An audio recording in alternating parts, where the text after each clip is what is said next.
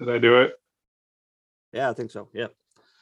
Ja vel, da var vi tilbake i eh, Ølpreik studio. I dag har vi med oss Bert Flagg Oslo, og hans eh, er med oss derifra heter Matthew Thomas. Eh, Dette vil eh, foregå på litt sånn eh, dårlige engelsk fra min side, og kjempebra fra hans side, men eh, vi prøver.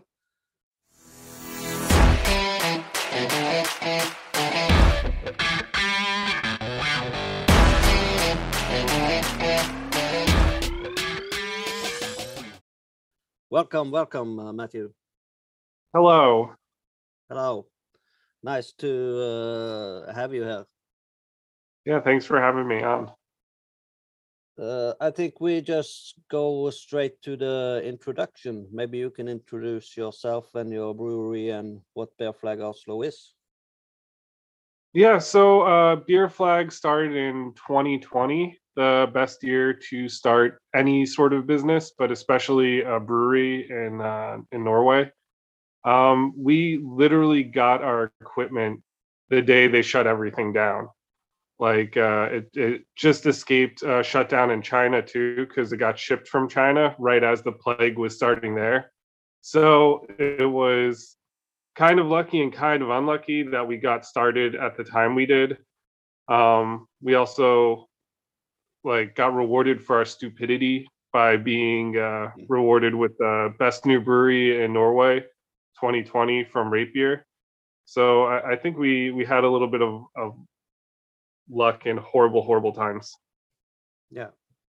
Yeah. Will you will you uh, tell us something about uh, who you guys are? Yeah, so it's uh it's basically three, four of us. It's uh me, myself, I am one of the brewers. Uh Eugenia Bocciol, she is the other brewer. She's from Rome. I'm from New Jersey. Um she has a background in microbiology and worked at uh Kinn for a little while and then she worked at Sister Song with me. I have uh I've been brewing since 2009 I've been home brewing and then I started brewing professionally um, in 2013 with Amundsen, and then I became head brewer at Sister Song. Um, that was around 2016. Um, Dan, the daglig leder, he was daglig leder of Sister Song as well, um, and that's where we all met. And then we have another person named Ula, and he's like the potato. He does everything. So it's just four of us. We're a little operation in downtown Oslo. Mm. You uh, you told you said uh, Sister Sang. Yeah. You have uh, wanna- tell us a little bit about that, or Oh yeah, uh, the the brewers don't really like to talk about Sister Song because it was sort of a, it was a nightmare. like uh, we were we were strapped for cash, like when we started. Um, I think I, I blew most somehow. Like the budget for brewing was spent on um, tap handles, and like I thought we had all the money in the world because that's what I was told from the top down. So we were just spending money like crazy, and then the money went away, and there wasn't any more. And by the tenth batch of beer, we were like talking about bankruptcy, and uh, turned out it was kind of a pyramid scheme uh, allegedly. I will say that for legal purposes, but, but uh, man, the people in charge ran that place straight into the ground as they did the other businesses that were part of Norbrew. So it was like it was a catastrophe. Um, so, but there's good things that came out of it. Like uh, without Sister Song, I wouldn't have met Eugenia, I wouldn't have met Dan, and there wouldn't have been any beer flag for sure. So that's there's some luck there too. Uh, with terrible things, there can be some good things. yeah. Uh, you want to tell us a little about where you are? Uh, where, where's the brewery and uh, and uh, a little bit about the equipment maybe you use. Yeah, um, we are located in the back of Revolver in Møllergata 32. in Oslo. So we're like just downtown, very central. We're uh, about I think like a hundred meters to Crowbar, so we're very close to Crowbar. Uh, we're kind of close to Granola Cabricus. We're part. I think our bar is part of the beer mile, so we're we're close to everybody. We're pretty central. Uh, the brewery is absolutely in a place there should not be a brewery. It's in like it's the brew house is located on a second floor, and there was literally like uh, about this much clearance. It was like um, I was watching them put it in, and I had just gotten my forklift certification, and I was looking at them forklift up this 1,000 liter brew house to the second floor, and they had this much clearance to to put it through. It was like half a centimeter, and they got it through. So I I don't know exactly how they did it, but they did it, and they did it all on the first try. It was the um uh I can't remember the name of the people installing it but the brew house is ANT, and Technology. I think probably one out of two breweries in Norway has ANT. Uh, the the thing that sets our brewery apart is we have um uh what's it called? We we only have um a mash lauter and a kettle whirlpool. So we cut down on transferring, we cut down on the on the length of the brew day and we we save on space. That's the main reason why we have that is so that we have a lot of uh, a lot of room in a tiny space. And then um, downstairs we have 13 tanks. They're all a thousand liters, all from ANT as well. Um, and those are in a space where it really shouldn't be that many tanks. It's like when you go in there, it's very cramped, very tight. But we make it work. We try to make it work um, it's been going well for us in that tiny space. We we're not at capacity yet, so we still have some room to grow.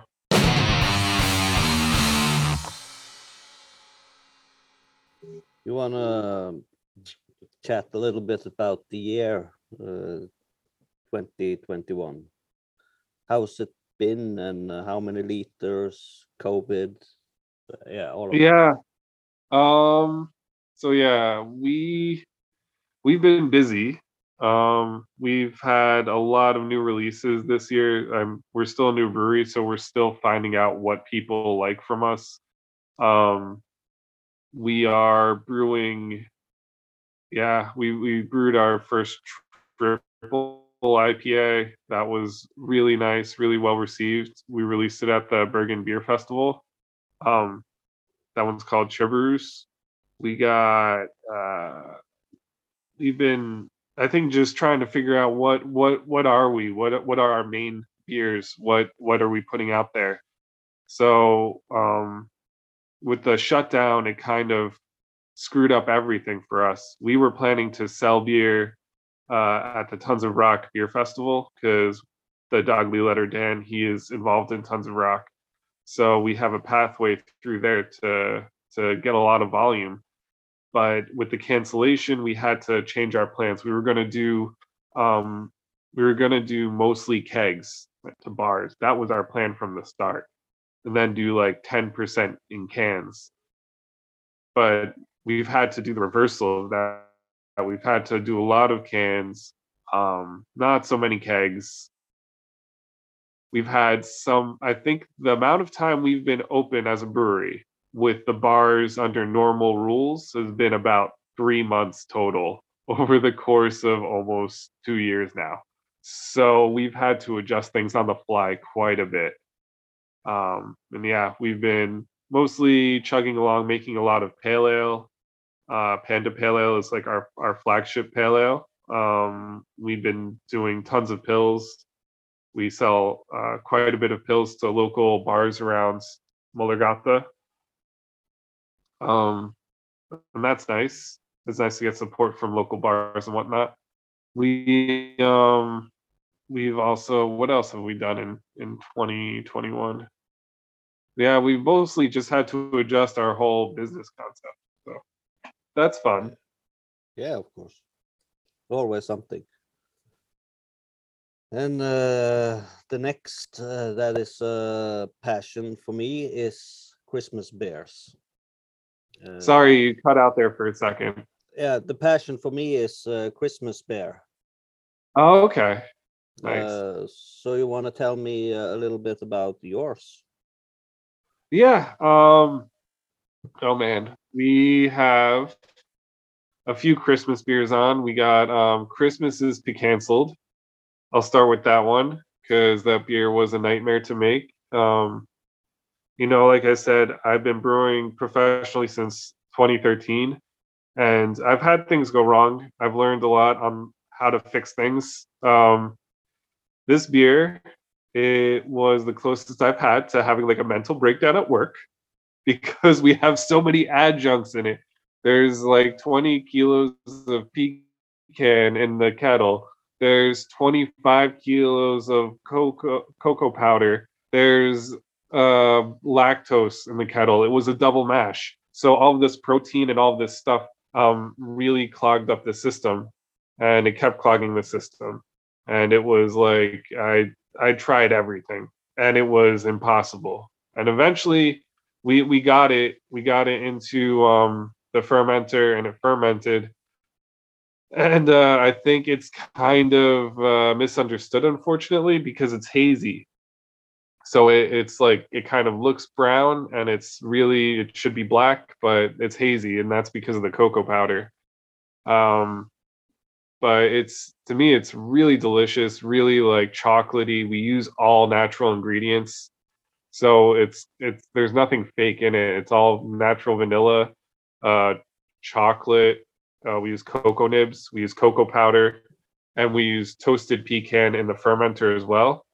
So that one, um, I would recommend drinking it at like room temperature, and I would say don't fear the haze, just like you would your IPAs. Um, it's uh, really good, especially with uh, chocolate. Anything with chocolate in it, you pair those together, it's amazing.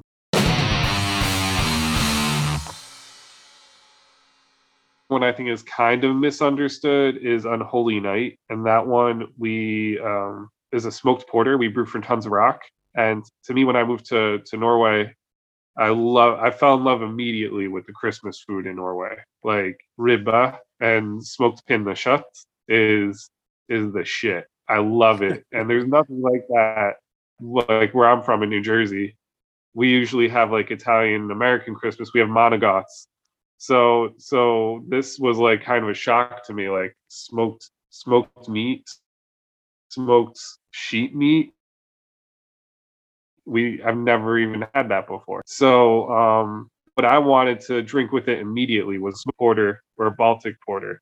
And the Unholy Night is kind of a reflection on that. Uh, every year I was homebrewing, I would make a Christmas beer that was smoked to go specifically with Norwegian Christmas food.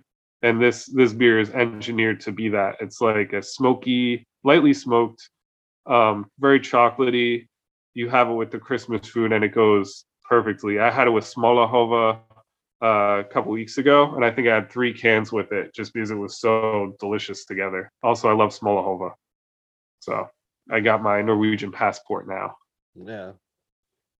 Um, what else do we got? We got Trolldom o Mystique, and that one is uh, it's malted, like a multicreme sour. So uh, we use cloudberry powder because using like fresh cloudberries would have been a nightmare to procure. So we use powder. We use uh, vanilla paste, and we adjusted our sour beer bill so it would be a little bit more pastry reflecting, like um, more like crystal malts um, to really give it that kind of cookie flavor. Slightly sour. It's not too too sour. It's probably like 3.6 pH.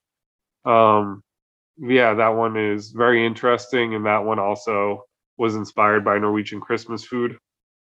Um, and then we have uh, Molma which might be one of my favorite beers that we make.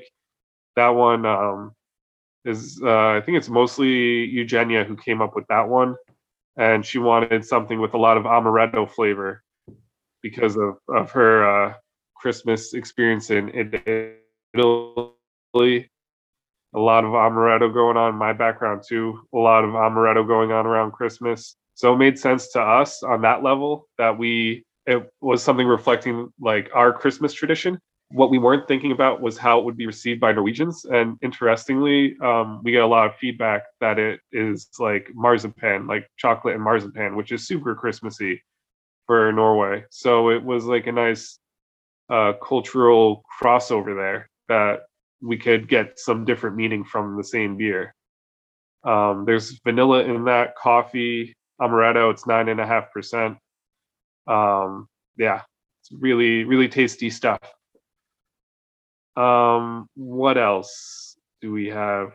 We also make a 4.7 Christmas beer for Tons of Rock, and that one is a sweet stout with oats, lots of oats, uh, chocolate, vanilla, um, easy drinking, goes well with chocolate cookies as well. So I think that's all of our Christmas stuff. Yeah. Thank you. I uh, ask you about the sales this year. Oh, the sales. Uh, I would say they were uh was like mixed. Like in the wine monopoly, it was a little bit slower than we thought it would be, and then in the bars, it was a little bit better. But I think all around, we brewed more in the first two years than we really thought we would. We were aiming for the first year to do, I think, 40 batches, and we did 65. And then this year we've done, uh, I think it was like 70. And there's three months this year where we just didn't brew. Mm. Uh, in April and March and December, we haven't really brewed any beer. No. Is so it's uh, a mix. So the last thing, is there anything you want to tell the Norwegian beer drinkers that listen to this podcast? Do you have anything you want to say? I just want to say like thanks for taking a chance on Beer Flag. If you if you come across our products and you try us, like it's it's so nice to get uh, feedback at festivals as a new brewery. Um, it's I think we've gotten a lot of support, and it's uh, yeah we wouldn't be able to do it without anybody drinking our beers. So thanks and thanks for for trying our stuff. Um, I think. Uh, I think next year is going to be very exciting. We have some products that we we made last year that we're going to build upon. Um, we we did um, what's it called? Uh, collaboration with Hilded uh, in Tromsø, and that was uh, all Norwegian ingredient beer. And I think we're going to do something similar this year. Um, Eugenia opened uh, a restaurant with Dan so um, that's right behind the brewery. It's called Grezzo. And we're working on a, a food and beer pairing menu there. So I think we're going to do a lot of foodie type beer. I know Eugenia wants to do a, a Cantarell mushroom uh, beer. So that's something that might be coming out next year. Uh, and I know we want to do some more collaborations. We have a collaboration with uh, Kinn coming out soon um yeah i think i think it's going to be about just building on what we've done so far. Hopefully tons of rock happens and we'll have a theoretically we might have a beer festival for that that we're going to be like hosting inside of the festival the music festival. That would be really cool. Something we're looking forward to. Um yeah, and I think there's going to be a lot of one-offs. Usually we make stuff up on the fly, so it's hard to say what we're going to plan in advance, you know. Yeah. Yeah, then uh, I think that's all. So I, I just want to thank you for your time and uh, that you were willing to come on the podcast.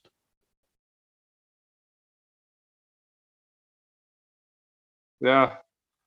Og tusen takk at du snakker engelsk med meg, fordi min norsk er ikke så veldig greit. Yeah, if you understand me, then it's good. yeah, you're good.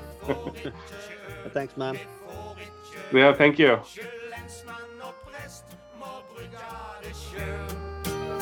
Vi får ikke lov til å nyte et glass, men en kasse eller to, det er